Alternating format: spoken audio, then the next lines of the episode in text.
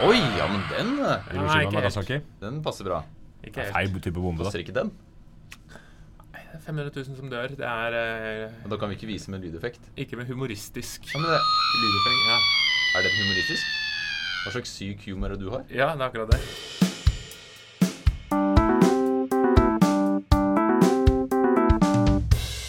Den gang da. Hei, hei, hei, hei, hei, og hei og hei og hei, og velkommen til denne fantastiske historiske podkasten Den gang da. Hei, hei, hei! Ja, hei, Hans. Eh, Vi er tilbake endelig etter et lite opphold. Eh, Så vi har jo eh, tenkt å snakke om Japan i dag, som du sikkert har sett på emnebeskrivelsen på denne podden. Mitt navn er Henning Mortensen. Med meg har jeg mine eminente kolleger og historielærere. Hans Rosvold Hontvedt, velkommen. Takk for det, Henning. Hyggelig å være her. Og ved siden av meg så sitter også eh, Jørgen Lie. Et litt mer eh, Jørgen Hattemaker-navn, men eh, litt vanligere navn. Ja, Hans har så fint og flott navn. Ja, det er så fint at vi Ja. ikke klarer å si det. Hei, jeg heter Jørgen. Det er greit for kort. Er Enkelt og Ja. fint. Tysk egentlig, da. Jørgen. er eh, Jørgen. Hansel. Hansel, ja. tre historielærere som skal snakke om historie. Eh, Dette er jo ikke første episode, så hvis du har vært med oss før, så vet du kjenner, du kjenner opplegget. I dag skal vi snakke om Japan. Eh, en av grunnene til at vi skal snakke om Japan, er jo fordi jeg har veldig lyst til å dra til Japan. Det er et av de landene jeg er veldig fascinert over og har lyst til å dra og Ja. besøke, fordi det er så mye fint å se. Har dere vært i Japan? Har? Eh, nei.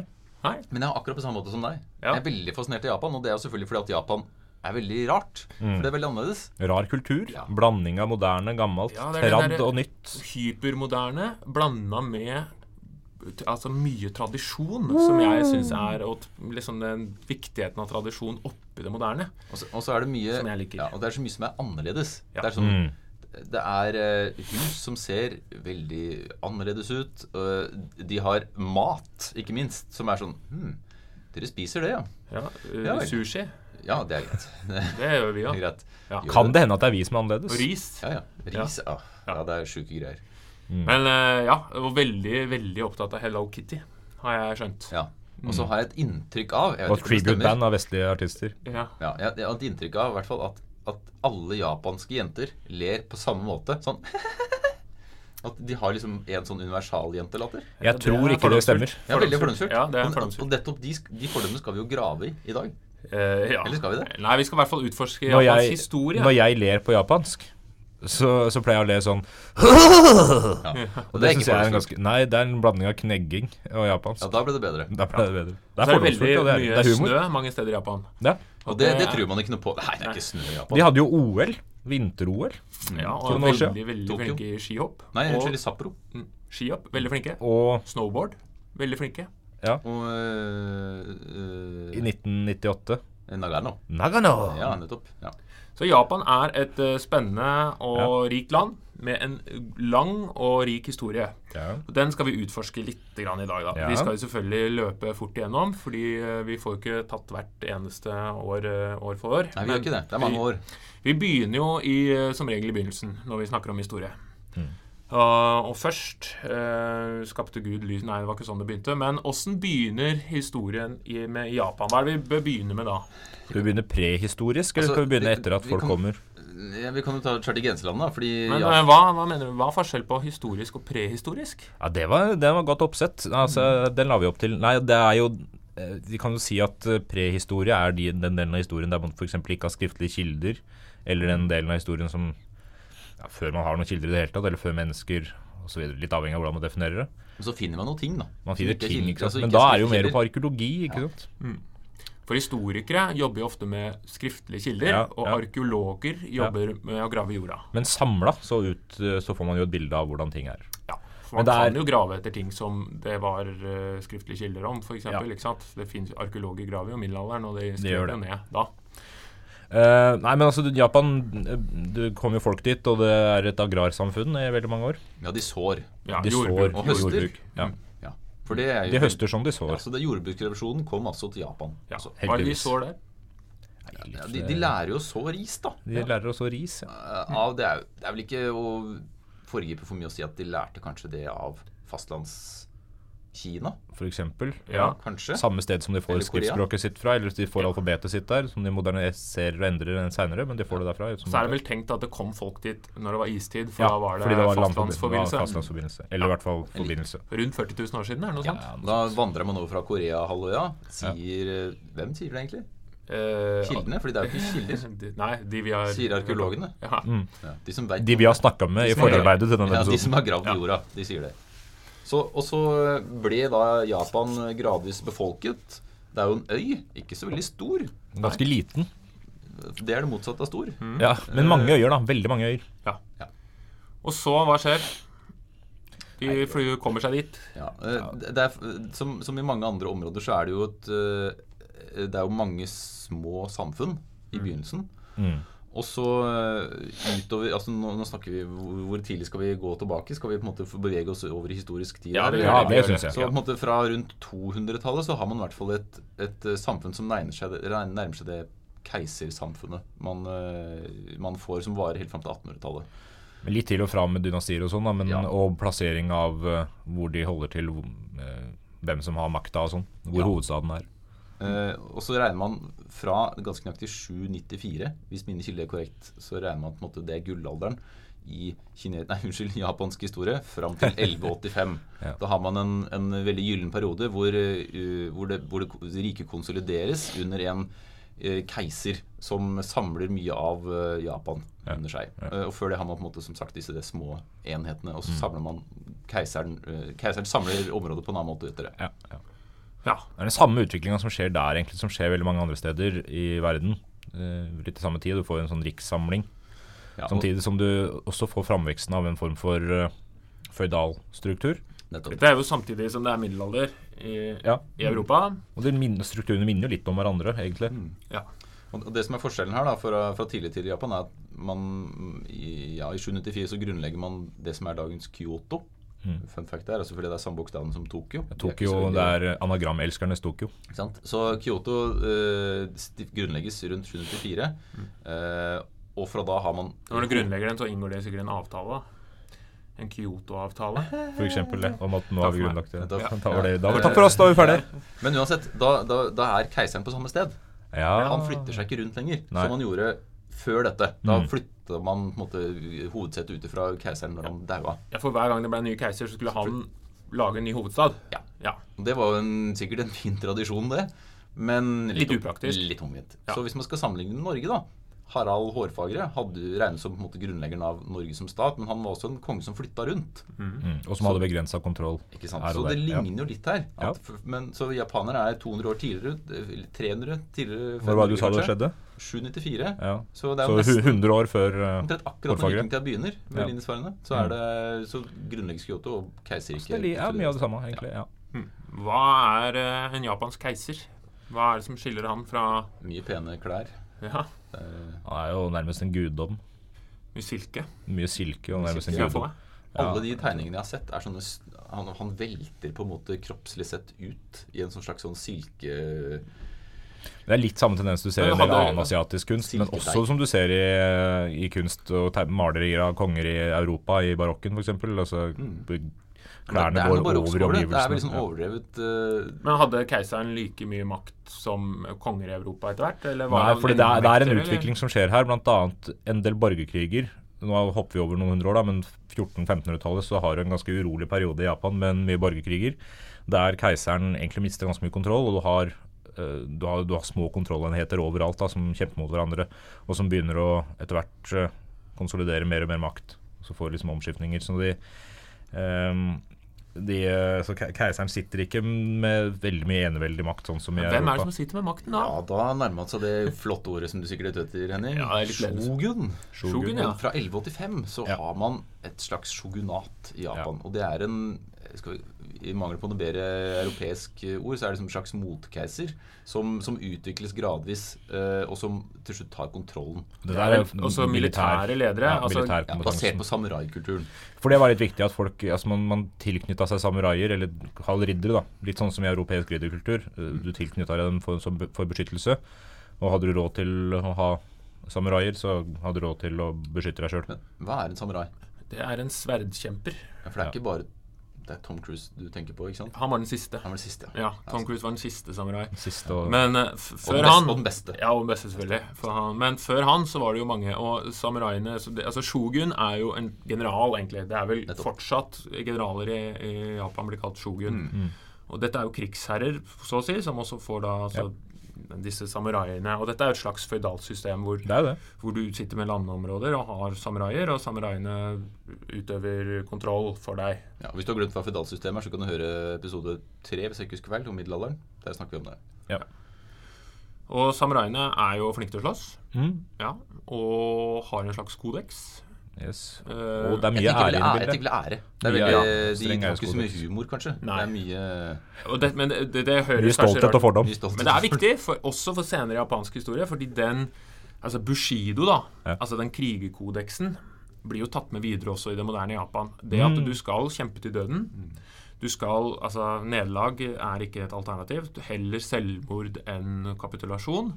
At du skal ofre deg for liksom kampen. Du ser det jo på kamikaze-prinsippene Ja, Det er jo dette satt i, i Er, system. er det det der man også har harakiri?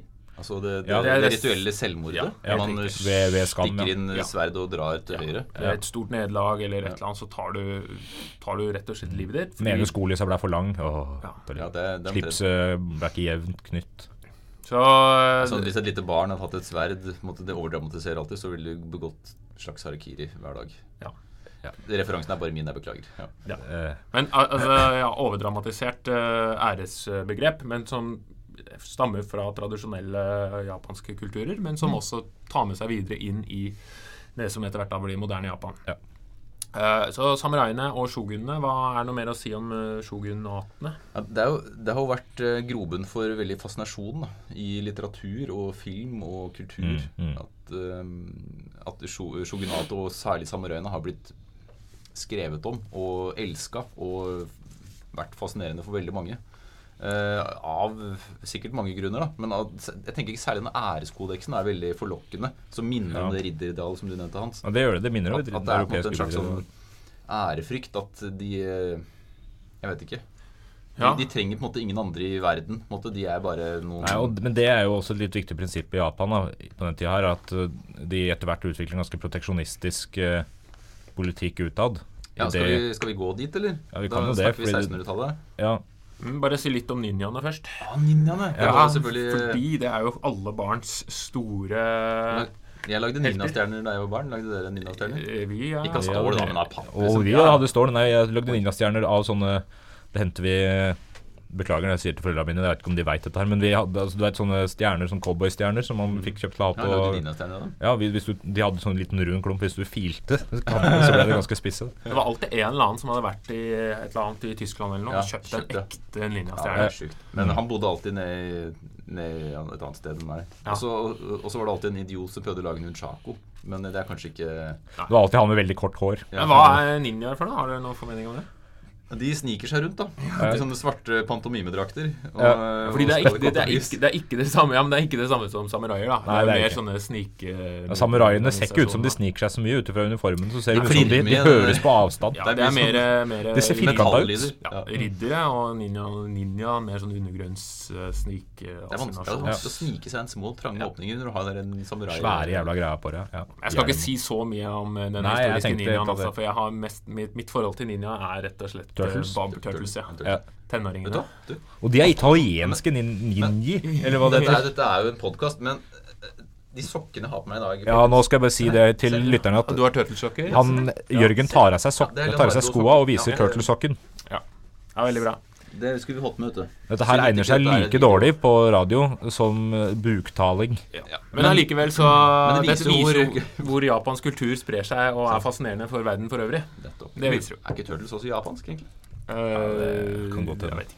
Alt er japansk, men eh, veldig mye, veldig mye japanske, japanske konsepter som handler om italienere. Sånn som eh, Turtles da og eh, hva heter det? Super Mario. Men la oss eh, snakke videre, fordi det, eh, dette her shogunatene og lever videre. Det Samuraiveldene, og de samuraiene blir en mektig institusjon i Japan. Men så kom, kom inn i eh, ja, hvis vi liksom litt kjapt nå går over til det moderne Japan, da. Kan- vi, kan vi bare nevne at på 1600-tallet så lukker Japan seg som nasjon? Det tenker jeg er en del av modernisering, Ja, ja, altså forarbeidet til moderniseringa. Ja, nei, nå, litt som Kina. Altså, men nei, nå trenger vi ikke omverdenen. Mm. Nå, nå, nå er det best at vi bare forholder oss til oss selv. Og så får ingen lov til å komme inn, bortsett fra uh, Nederlenderne. som får lov til å handle på et lite område på vest. Mm. vestkysten, som heter uh, Dejima. Ja. Der kan man handle. Ja. Men det ser vi jo, det er jo etter hvert som europeerne begynner å spre seg, og så lukker de seg. Ja. Men de klarer ikke å holde seg lukket uh, for alltid. Nei, nei. Fordi Japan også altså Når vi snakker om modernisering da, og moderne Japan, hvordan, eh, hva markerer overgangen fra hva skal jeg si, tradisjonelle til moderne Japan? Du har en prosess utover 1800-tallet, og da, da ser man at keiseren er veldig svekka. Mens samtidig så begynner shogunatet på en måte litt å gå i oppløsning òg. Det er mye motstand her. Og sånn at eh, USA f.eks. begynner å pushe på for å kunne for å åpne Japan, rett og slett. USA på det tidspunktet har vokst seg ganske svært allerede, ut på tidlig 18, eller første halvdel av 1800-tallet. Og Japan klarer ikke lenger å, å holde seg eh, isolert. Og de åpner opp for eh, handel med Vesten. Og da får de også en ganske Altså en, en, Hva skal man si Det er eh, uten sidestykke, nesten, i verden når det gjelder veldig kjapp modernisering. Basert på hva noen andre gjør. Det minner litt om det Tyskland gjør på 1800-tallet. Med det eh, Japan, altså det som japansk historie kaller for eh, Meiji-restaurasjonen. Kan også minne om uh, industrialiseringa til, til Russland på 20-tallet? Ja. Altså Ja, det kan det gjøre. går på en måte Ja. fart. Det som er vel her, er at eh, Japan ser, og Mm. noen mektige menn ser behovet for modernisering. Ja. Nettopp fordi man ser hvordan europeerne, som da Mhm. er begynt å industrialisere seg i rallyfart, tar kontroll over store deler av verden, og at de får Det går ganske ille utover Kina, Mm. Ja. blant annet. Ja. Så Japan ser at vi ønsker ikke å havne i den situasjonen. Så Nei. vi, for å følge med, og for å ikke bli uh, nok en koloni eller en Mm. handelsprovins, så trenger vi å modernisere oss. Og Japan får jo egentlig De får lyst på det motsatte av å bli en koloni. De får jo egentlig lyst til å ta kolonier sjøl. Men det, det, er- en kjempefin strategi, altså fordi de, de begynner eh, utover 1800-tallet gjennom denne restaurasjonen. Så får de en vending i kultur, det er jo én ting, men de får også en ekstrem industrialisering. De knytter til seg tyskere og briter og sånn som hjelper dem å komme i gang. Ja. Og de lærer Nordmenn masse. også. Nordmenn, ja. Hvalfangst. Ja hvalfangst ja, ja. nordmenn til å. Det interessant. Og det er vel eh, stort sett bare Japan og Norge som driver med hvalfangst. Ja, Eh, Island I- Ja, der har de slutta. Ja, og så er det noe inuittfangst. På en måte Ja. sånn uh, Nei, hvalfangst. Ja. men, men, også, men det som er interessant, er at de på en måte tar det de kan få fra europeerne, og så kaster de dem ut igjen og sier nå trenger vi ikke det lenger. Og så, men da har de jo allerede skjedd en moderniseringsprosess. Men altså, i retning av vestlig tankesett, men samtidig med ekstremt kontroll. altså be, be- Beholder på en måte en del gamle japanske ideal. Ja. Og får også som, Men det er vel også da en, nettopp et oppgjør med det gamle, Ja. tradisjonelle samurai-styret. ja, samurai- og ja, shogunatsystemet. og, og. En slags nasjonal styrking hvor Ja, og da gir de, keisermakten ke- gir, gir dem keiseren tilbake makt. Eh, og Keiseren tilbake makt. Ja, de gir makta tilbake til, eh, til keiseren nå. For dette her er jo også viktig å tenke på at samurai altså Vi snakker om føydalsystem, nettopp samme som i europeiske Mm. middelalder med riddere, da, hvor det å være kriger Ja. er såpass høyt om Altså samuraiene er vanlige folk, om du vil. Ja, ja. Har ikke sjans til å konkurrere mm, mot samuraiene som bruker hele livet på å trene på å slåss. De er profesjonelle krigere. Ikke sant? Og de har også Og utstyret ja, ikke til å De har råd til å kjøpe den der svære rustningen. Men alle eh, idioter kan lære seg å trykke på en avtrekker og prøve å sikte geværet i riktig retning. Så du kan på en måte mm, Altså, du får eh, militarisert eh, Mm. deler av befolkningen da, som tar nettopp makten vekk fra en slags militærelite. Så det er det samme som har skjedd i Europa de foregående hundre, Ja. par hundre åra. Eh, så går det jo ganske bra altså, sånn Det går bra en stund. moderniseringsmessig. det gjør det, det går veldig bra. Ja. Men, de, men samtidig så Det som er rart da med, med tanke på liksom den nasjonalismen som vokser fram der, som jo er ganske lik nasjonalismen som vokser fram i Europa på samme tid, og at man gir keiseren mer makt Det som er litt snurrig her, er at keiseren ganske kjapt egentlig mister makta igjen. Fordi de er ikke vant til å ha en sentral eh, styring, virker det som. Sånn at eh, keiseren blir etter hvert svakere og svakere, og det utvikler seg det som nesten kan minne om en, en ny type shogunatsystem, men uten å definere det på den måten, hvor du har lokale krigsherrer rundt omkring som eh, begynner å utvikle mye makt i sine områder, og også etablere ganske mye imperialistiske eh, holdninger. Skal vi Men det er jo også nasjonal blomstring. Altså nasjonalisme. Ja, det er jo, det er jo nasjonal, nasjonalistisk blomstring, men etter hvert ikke så mye forankra i en Altså, Keiseren blir igjen mer en gallionsfigur, og så er det andre instanser som har makta. Og det er jo også disse her som pusher på f.eks. For, for å angripe Kina allerede i 1894, i den første sino-japanske krigen, 1894 til 1895. Da tar de kontroll over Korea, f.eks. Uh, Og så møter, ja, og Problemet der er at hvis du først går inn på fastlandet, her, så møter du også Russland ja, seinere. Ja. Altså, er det viktig å påpeke igjen da at Japan er en øy. Mm. Med, uh, og modernisering krever ressurser Ja. og råvarer. Og Japan per se har jo ikke så Nei. mange av disse råvarene. De har mer folk enn de har uh, råvarer. Ja, så vi trenger på en måte Eller ja, for moderniseringen henger i tråd med da Eller sammen med ekspansjonen. Samme som i Europa. ikke sant? altså Man det- ser andre steder etter råvarer, og istedenfor å liksom tenke at vi skal kjøpe, så tenker jeg vi kan jo bare ta. Og det er, viktig, liksom, det er en viktig liksom, forståelse av den imperialistiske holdninga, både til Japan og en del europeiske land på samme tid. Det er at, de, at det ligger en pragmatikk bak imperialismen. Det er ikke bare ideologi. Det, det handler om at de trenger ressurser. Og så blir det ideologi da etter hvert Så så blir det ideologi. Så. Ja, fordi japanerne, det er, det er kanskje ikke så mange som vet, men utover 1900-tallet så blir jo Japan en, en, en rasistisk altså, Rasismen er jo godt innbakt i Ja, ideologien. På samme måte som Tyskland og, Og Italia. flere europeiske Ja, og dette her ligger jo i stor grad altså, hos disse krigsherrene da, som uh, sitter og herjer rundt omkring i grenseområdene og sånn. Og du nevnte Russland der, ikke sant? At de, de havner i en konfliktkrig med Russland i 1904 Ja, også, det, det, det, til 1905. det, er, det er noen jernbanekonflikt, og de er i, Ja. på den Koreahalvøya. Ja, Russland bygger jernbanen nedover. Ja, så, ja. og så blir det en konflikt som ikke varer så lenge, fram til 1905, hvis jeg ikke husker riktig. Ja, 1904-1905 er jo den øh, russiske eller ja, russisk-japanske Russisk-japanske krig. krigen. Som det- Japan vinner. Ja, for det er jo det som sjokkerer Og det er sjokkerende! Hvordan kan Japan vinne? Hva og, og der skal også si at et lite land som man har hørt relativt lite om i storpolitikken, øh, fordi de jo har vært små og proteksjonistiske, og så plutselig så slår de Russland. Som er verdens største land. Ja, På det tidspunktet kan man jo også argumentere for at Russland sliter litt med noe interne opprør. Ja, for det dette sånn, er og jo- Det kan er et veldig gammelt gammelmodig land. da. Det Ja. er før den store Før industrialiseringen. industrielle revolusjonen. For dette viser jo verden to ting. Én, at Russland uh, hva er det det blir sagt, er en uh, kjempe på leireføtter. Altså Mm. at det, er- det, Russland begynner å ikke vakler, klare å holde følge. Det vakler. Og Japan kommer opp som en stormakt. Mm. Så, ok, så vi har, de går inn i fastlandskina og Korea og vinner, kjemper mot Russland og vinner i 1904-1905. Og så nærmer vi oss første verdenskrig. Og det utløser også en eh, slags revolusjon i Russland. Ja, Det gjør det. eh, som er jo en forløper til 1917-revolusjonen. da. Ja. Men eh, ja, Men Japan de, de utvikler seg jo videre i denne altså Når de først liksom klarer å vinne noe, eh, så utvikler de seg videre i imperialistisk retning. ja. virker det som. Både krigsherren og keiseren er på ballen med, med det.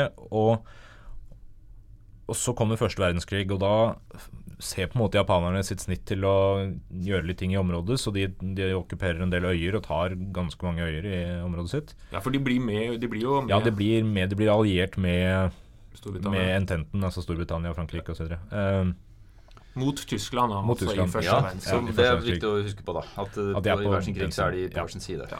Men det her gjør at de er på At de er i det hele tatt er delaktige, gjør at de kan delta på Wienerkongressen, som er uh, fredsavtalen. Oppgjøret Eh, etterpå. Oppgjøret etter, eh, etter første verdenskrig. Og de Og i Versailles og Versailles. Jeg mener Versailles. Ja. Mm, takk. takk. Takk. Versailles. Og det, som, det som skjer i Versailles da, med, med Japan, er at de når, som del av forhandlingsbordet der, så får de også lov til å beholde alle de områdene de har tatt i, rundt, rundt øya, Som en øyene slags sine. gest. Og så blir de med i. Folkeforbundet. Men de ønsket vel også å ha en klausul på at det skulle være raselikhet. Men det Ja. fikk de ikke. Nei, de, de, nei, og det er litt spennende med tanke på at Japan jo, som vi har nevnt her, har utvikla rasistiske tendenser internt. Så ønsker de fremdeles at eh, Ja, fordi uh, de europeiske stormaktene på den tiden også selvfølgelig så på seg selv som overlegne. Ja, og i hvert fall overlegne asiatene. Ja. Det er rart det, hvordan alle kan se på Ja. seg selv som overlegne. Så Japan så på seg sjøl som overlegne over de andre folkeslaga i området, kineserne, koreanerne osv., men mente at man måtte få inn en antirasismeklausul for, å- for at de skulle kunne hevde seg sammen med europeerne. Ja. Det er dobbeltmoral på høyt nivå, men verden går stort sett framover pga. dobbeltmoral. Så det er uh, liksom eh, Det er den Og dette, og dette er også i kjølvannet av kolonikappløpet i Afrika. Det er jo en historisk eh, interessant parallell. Ja, ja, ja. med tanke på Ja. rasisme. Ja.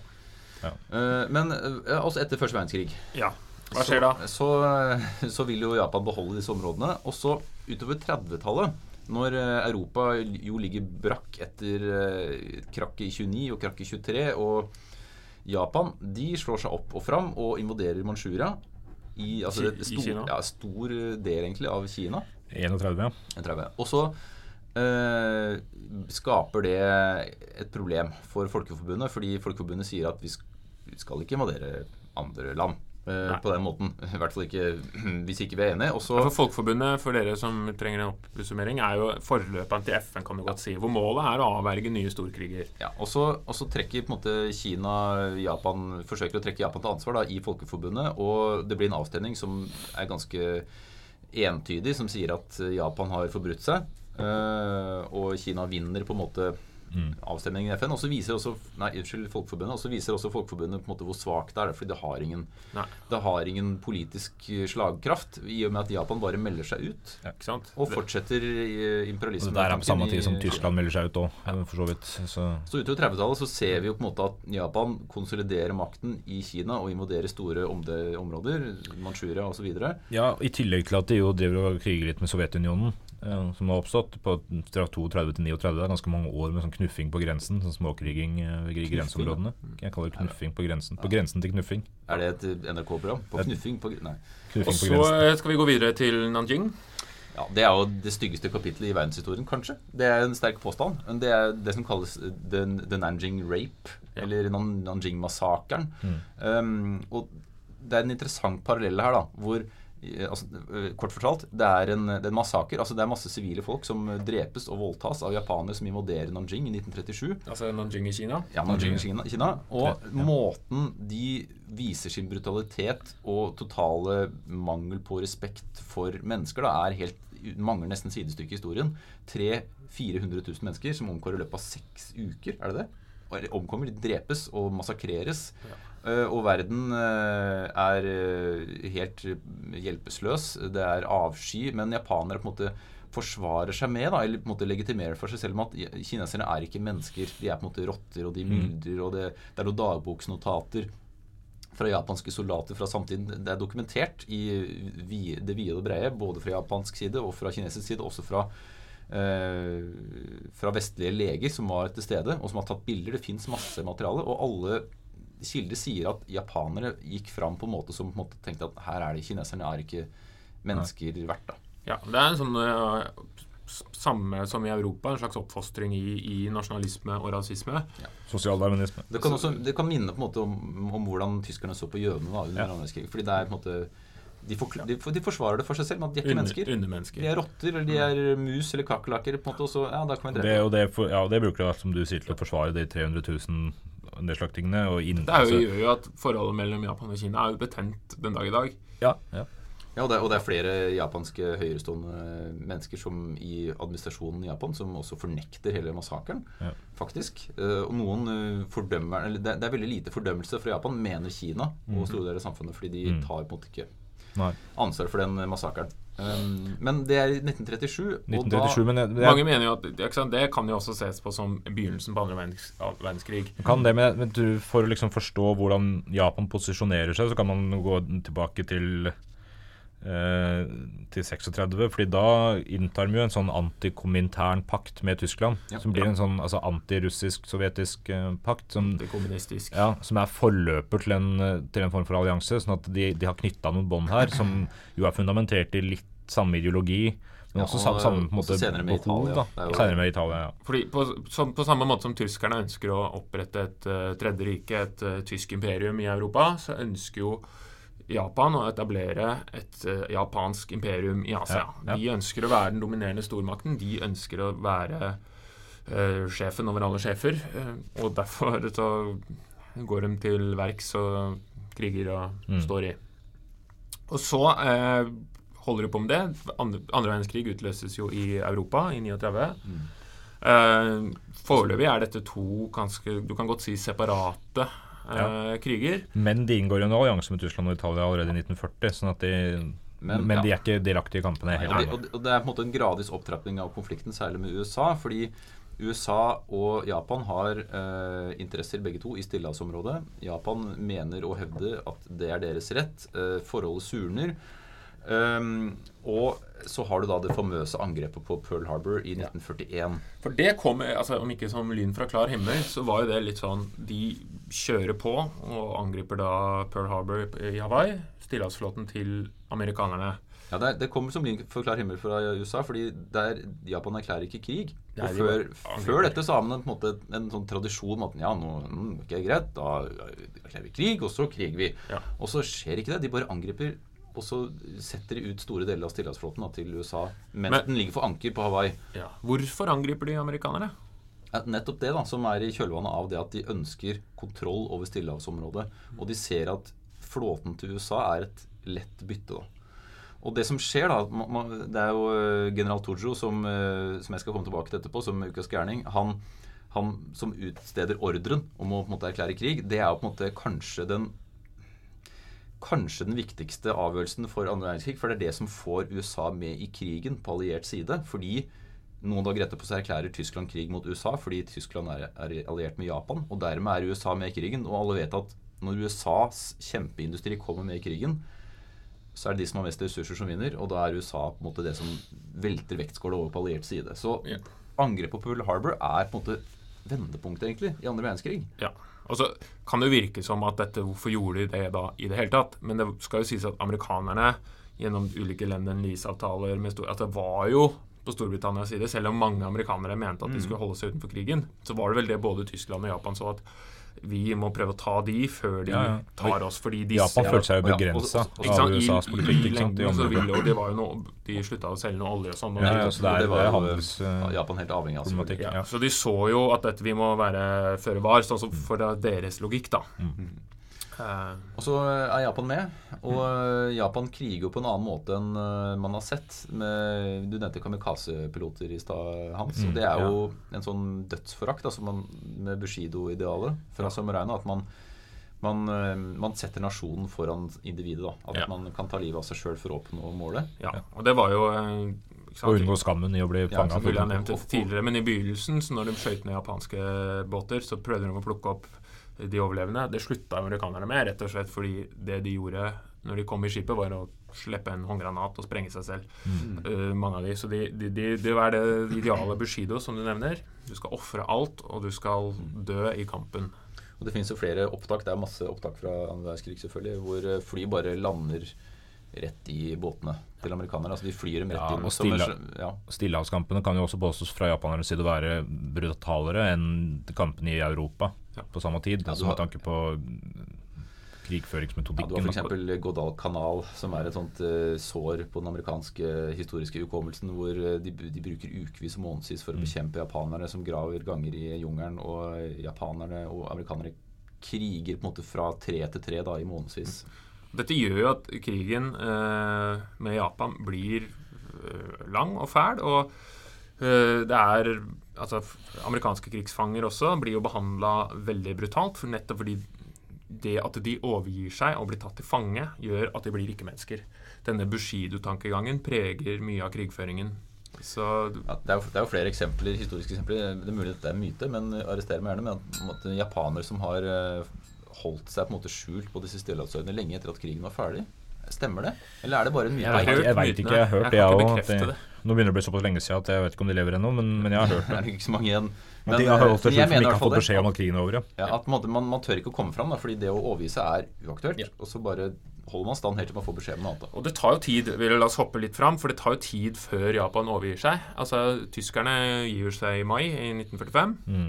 Eh, det også tar kanskje lengre tid enn det bør, eh, men allikevel så holder japanerne stand uh, fram da til Ja, de, august. ja, fordi det er liksom også greia med Japan. Altså, selv om de på et eller annet vis også har skjønt nederlaget, så nekter de å gi seg før de er 100% knust.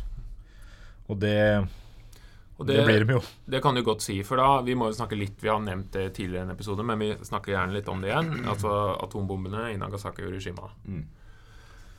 Hva skal vi si om det? Det, det er jo um, Det forandrer jo verden på mange måter, fordi man går inn i atomalderen med to smell, egentlig. Det er to byer som omtrent utslettes av to bomber. Helt utenkelig før. Helt eh, veldig reelt etterpå. Ja. Det er jo Eh. introduksjonen verden får til atomvåpen. Ja. Så er, I august da, i 1945 så er det på en måte Japan kjemper til siste mann på, i alle disse småøyene. Så finner amerikanere ut at nei, vi skal bombe sivilbefolkningen. Utrolig kontroversielt. Ja. Men de gjør det likevel. Og Japan overgir seg bare, uker eller bare dager etterpå. Er det ikke det? Eh, Etter at den siste bomben ble sluppet. Ja, altså Den siste bomba slippes 15. august. Eh, nei, unnskyld, 9. august, ja, og 15. august er overgivelsen. Den endelige overgivelsen. Så det er uh, Dette er jo en av de hendelsene i historien som er med rette omdiskutert. da. Ikke sant? Er det Kan man rettferdiggjøre bruken av disse ekstreme For dette er, en, dette er også viktig. Dette er de eneste gangene atomvåpen har blitt brukt i strid mot uh, Og da mot sivile byer. da, mellom, altså Det var noen militærbaser og sånn, men allikevel altså, Så amerikanere sier i praksis at vet du hva, istedenfor at vi skal miste en million amerikanske liv, så bomber vi 200 000 sivile Ja. til døden. Og så, og så Det er regnestykket, da. Ja, og så er det noen som spekulerer at amerikanere gjør dette også for å se hvordan det utspiller seg. Ja, Og også sikkert for å avskrekke andre nasjoner. At her er vi, dette er våre våpen. Ja. Kom dere bort. Ligg unna. Ja. Så eh, de blir sluppet, De blir sluppet. og så Eh. overgir Japan seg. Ja, og dette her er jo markerer en sånn overgang umiddelbart, egentlig, for i, i japansk historie, med tanke på keiserens rolle. Ja, For hva skjer etter andre verdenskrig i Japan? Ja. Hvordan er Det- det? Det første som skjer, er jo at keiseren faktisk overgir landet. Eller sies Altså for første gang så uh, går keiseren på radio. Og folk får høre keiseren. Fordi keiseren har jo vært en veldig opphøyd figur. Én ting er at han har hatt litt lite makt sånn tidligere pga. shogunat og seinere krigsherrer og sånn, men han har alltid på en måte hatt en sånn gudestatus. Holdt seg unna folk. Men han holder en radiotale der han for første gang taler til folk. Den varer i fire minutter, og folk ble, altså det, de ble helt overraska. Det, det ble litt rart å sette seg inn i for oss som lever et sted der lederne er relativt tett på folket. Eh, Bortsett fra at de bor i slott, da. Men likevel. eh, Det er, eh, det er sånt, eh, en litt sånn rar greie der. Jeg tror også noe av det han sier, er at krigen går ikke lenger i Japans favør, nødvendigvis. Det Det er en understatement av de store. Men det, det som skjer etterpå, er at USA kommer inn i bildet og bidrar til å lage en ny Ja. Form for styre der. Og de okkuperer jo i praksis Japan Ja. fram til 1952, Mm. er det ikke det? Og, og Hirohito, altså keiseren, blir en slags uh, Han- sånn demokratisk overfigur. Ja, fordi han, han får lov til å være der. Han får lov til å fortsette å være keiser, og det opprettholder det systemet, men han eh, må gi fra seg gudetittelen på et eller annet vis. Det er litt rart, det der, men det, men det er det jo Du kan ikke være gud lenger, du kan godt være keiser, men slitt med Gud. Også- ja, nei, vi kan ta det på. Nei, ta det. Uh, japansk religion, har dere noe Ja, det er en blanding av buddhisme og shinto. Ja. Shinto og. Og så har de jo slags sånn eh, Energien finnes i motsetningene. Det er kort fortalt. Du finner masse sånne shinto-templer og masse forskjellig. Og så er det veldig mye folkelig religion overalt. Ånder og greier. Men det er, men du har, men det er zen-buddhisme har jo vært ganske svært der. Ja, mange- buddhisme og shin, men jeg syns shinto er fascinerende, fordi det er, eh, det er ganske lokalt. Ja.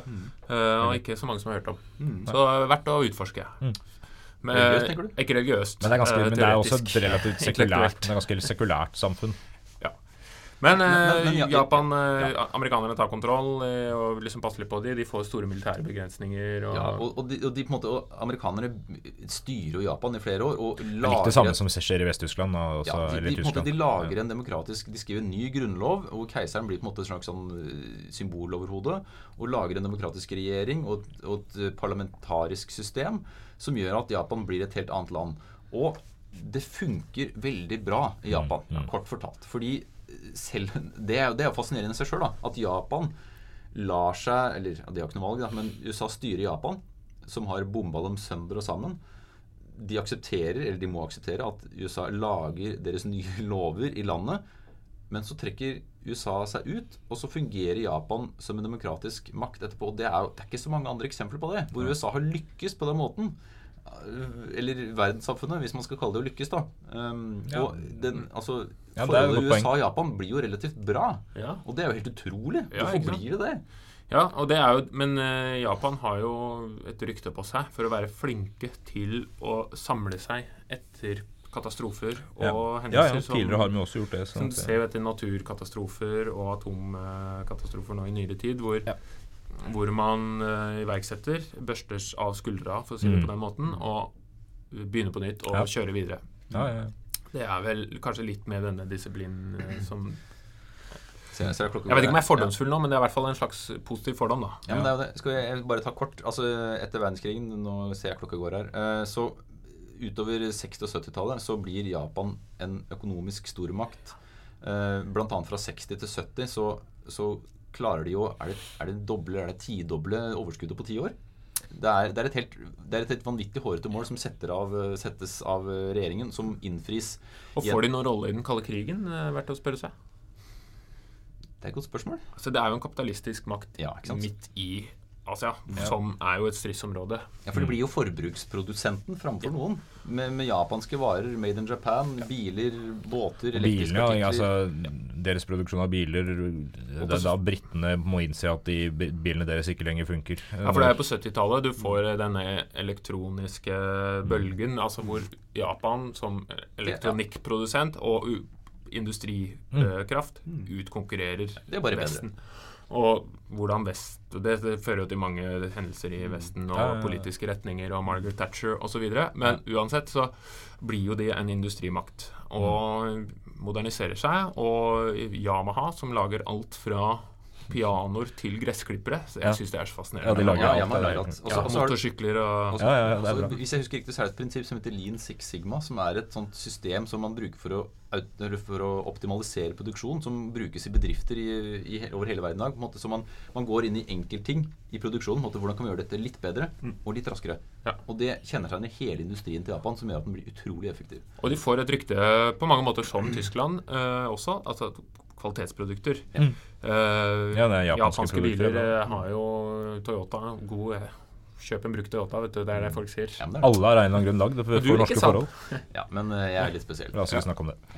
Uh, men uh, ja, så er vi da inne i den moderne japanske tidsalder. Vi skal ikke snakke så mye om Nei, Japan. Vi kunne brukt lang tid på det. Skal vi Men- bare si det kort at det gikk veldig bra for Japan. Og så kommer den voldsomme rebound på 90-tallet, hvor, eh, hvor økonomien går inn i resesjon, og Japan etter hvert får verdens eldste befolkning. Og er sliter også for befolknings... Fordi det er ikke kultur i Japan for å kombinere yrkesliv med Nei. barneproduksjon. Og det trenger Men det en annen man kunne vi ikke men- lage en egen en om japansk kultur, fordi det, du ser jo også tendensene der nå. selvmordsraten i verden. Ja, det er og så ser du også tendensen til at det er det stedet hvor unge menn gifter seg i mindre grad, fordi de får det de trenger av seksuell tilfredsstillelse fra sære pornogreier. Det er faktisk undersøkelser på det, så de, de, folk gifter seg mindre der. Unge menn trenger ikke. Nei. En veldig fascinerende kultur. Enda eh, La oss dra dit. Ja, jeg har veldig lyst til at Skal vi holde en podkast live in Japan? Det hadde vært Ja, det har vært. Send eh, penger til Send penger. ja. skal, vi, skal vi bare ta kjapt ukas gjerning? Ja. Nei, dagens ord først. Dagens ord først. ja. Ja. Ok. Uh, det er japansk ord. Tenkte jeg, vi har, vi har jo hatt noen runder med japanske ord tidligere, men eh, det, det egner seg jo best nå når det faktisk handler om Japan. Og nå må dere ikke tro at jeg sier sudoku, for jeg gjør jeg ikke. Jeg sier tsundoku. Oh, ja. ja. Ja. Og som betyr Tsundoku, som betyr altså Det er et fenomen. da, altså Det betyr det å hele tida kjøpe nye bøker som bare hoper seg opp uten at du noen gang leser dem. Ja. Det, øh, Det kan man vel kjenne seg igjen i. Det kan man kjenne seg igjen i som øh, folk. Uh, så det er fint at man har et ord for det. Ja. Tsundoku. Ikke lese bøkene. Ikke bøkene. Eller kjøpe masse bøker uten å lese. Som man ofte gjør med sudoku-bøker. Eh, Løser tre Ja. og lar resten ligge. Det er riktig. Men nå var det altså ikke sudoku, men sundoku. Ja. Men det er ok. Det er greit. Jeg skal være kort i dag. Eh, general Tojo er min ukas gærning. Han var da eh, først general og senere eh, statsminister i Japan under en verdenskrig. Og han erklæres som ukas gærning fordi han rett og slett, som jeg sa i stad, han erklærer krig mot USA og omtrent hele verden ved å angripe Pearl Harbor. Mm. Det er en ganske sinnssyk handling hvis man skal se på det, i hvert fall i historisk ettertid. Virka kanskje som en god idé der og da. Eh, Som person var han også ekstremt brutal. Eh, Var sterkt delaktig i Nanjing-massakren og flere andre massakre. eh, måtte konsoliderte dette synet på andre mennesker enn japanere som rotter og kakerlakker. Og er en del av en imperialisme og en rasismekultur i det japanske systemet. Var en av de som ble stilt for retten etter annen verdenskrig. Hirohito keiseren slapp det fordi man klarte å bevise, eller sannsynlig at han ikke var delaktig. Senere forskning viser at han var fullstendig klar over hva Japan gjorde, og var også kanskje en av de som burde vært hengt. Men nettopp det ble Tojo. Burde vært hengt. Ja, men Ja, det, det, det, ja, men, ja, men det mener Det er ikke jeg som mener det, men det er det rettssystemet mener. da. Du mener ikke det? Du syns han er uskyldig? Du er for Ja. dødsstraff? Jeg har ikke så veldig nært forhold til Hirohito. Men general Tojo ble nettopp det. Hengt det- i 1948 som en av på en måte, de store syndebukkene etter andre verdenskrig. Selv om kanskje han bare var en representant for systemet, så var han også en av de mest brutale. Så det var det. Ja, så skal vi si uh, vel gjennomført uh, episode. Det var veldig ja, godt å være tilbake. Ja, det er deilig. Ja, Uh, vi lar det prøve ikke være så lenge til neste gang. Ja, Vi lar det gå litt mindre enn seks måneder. Ja, men, Noen ganger så trenger vi litt luft. ja, og Trenger space fra hverandre. barn barn og greier involvert. Det skal ikke gå så mye inn i det. Men vi vil si takk for at du hører på. Hvis du har hørt på en så, så lenge som til nå, så har du hørt på hele episoden. Hans er klar. Ja, Kom dere til Japan. Uh, hørt det er veldig fint. Jeg har aldri vært der. Nippon og Art og hele greia, hva heter det fjellet? Fuji. Det er fint der. Saigon. Mount Fuji. Altså, Saigon. er ikke det fjell, fjell? Fuji. Ja. Fjell, fjell. Fjell, fjell. Mount, Mount, Mount Fuji. Fuji. Det er jo tåpelig. Det er som å si PC-maskin. Ja. PC-computer. PC-data. PC-nett. Ok. Takk for nå.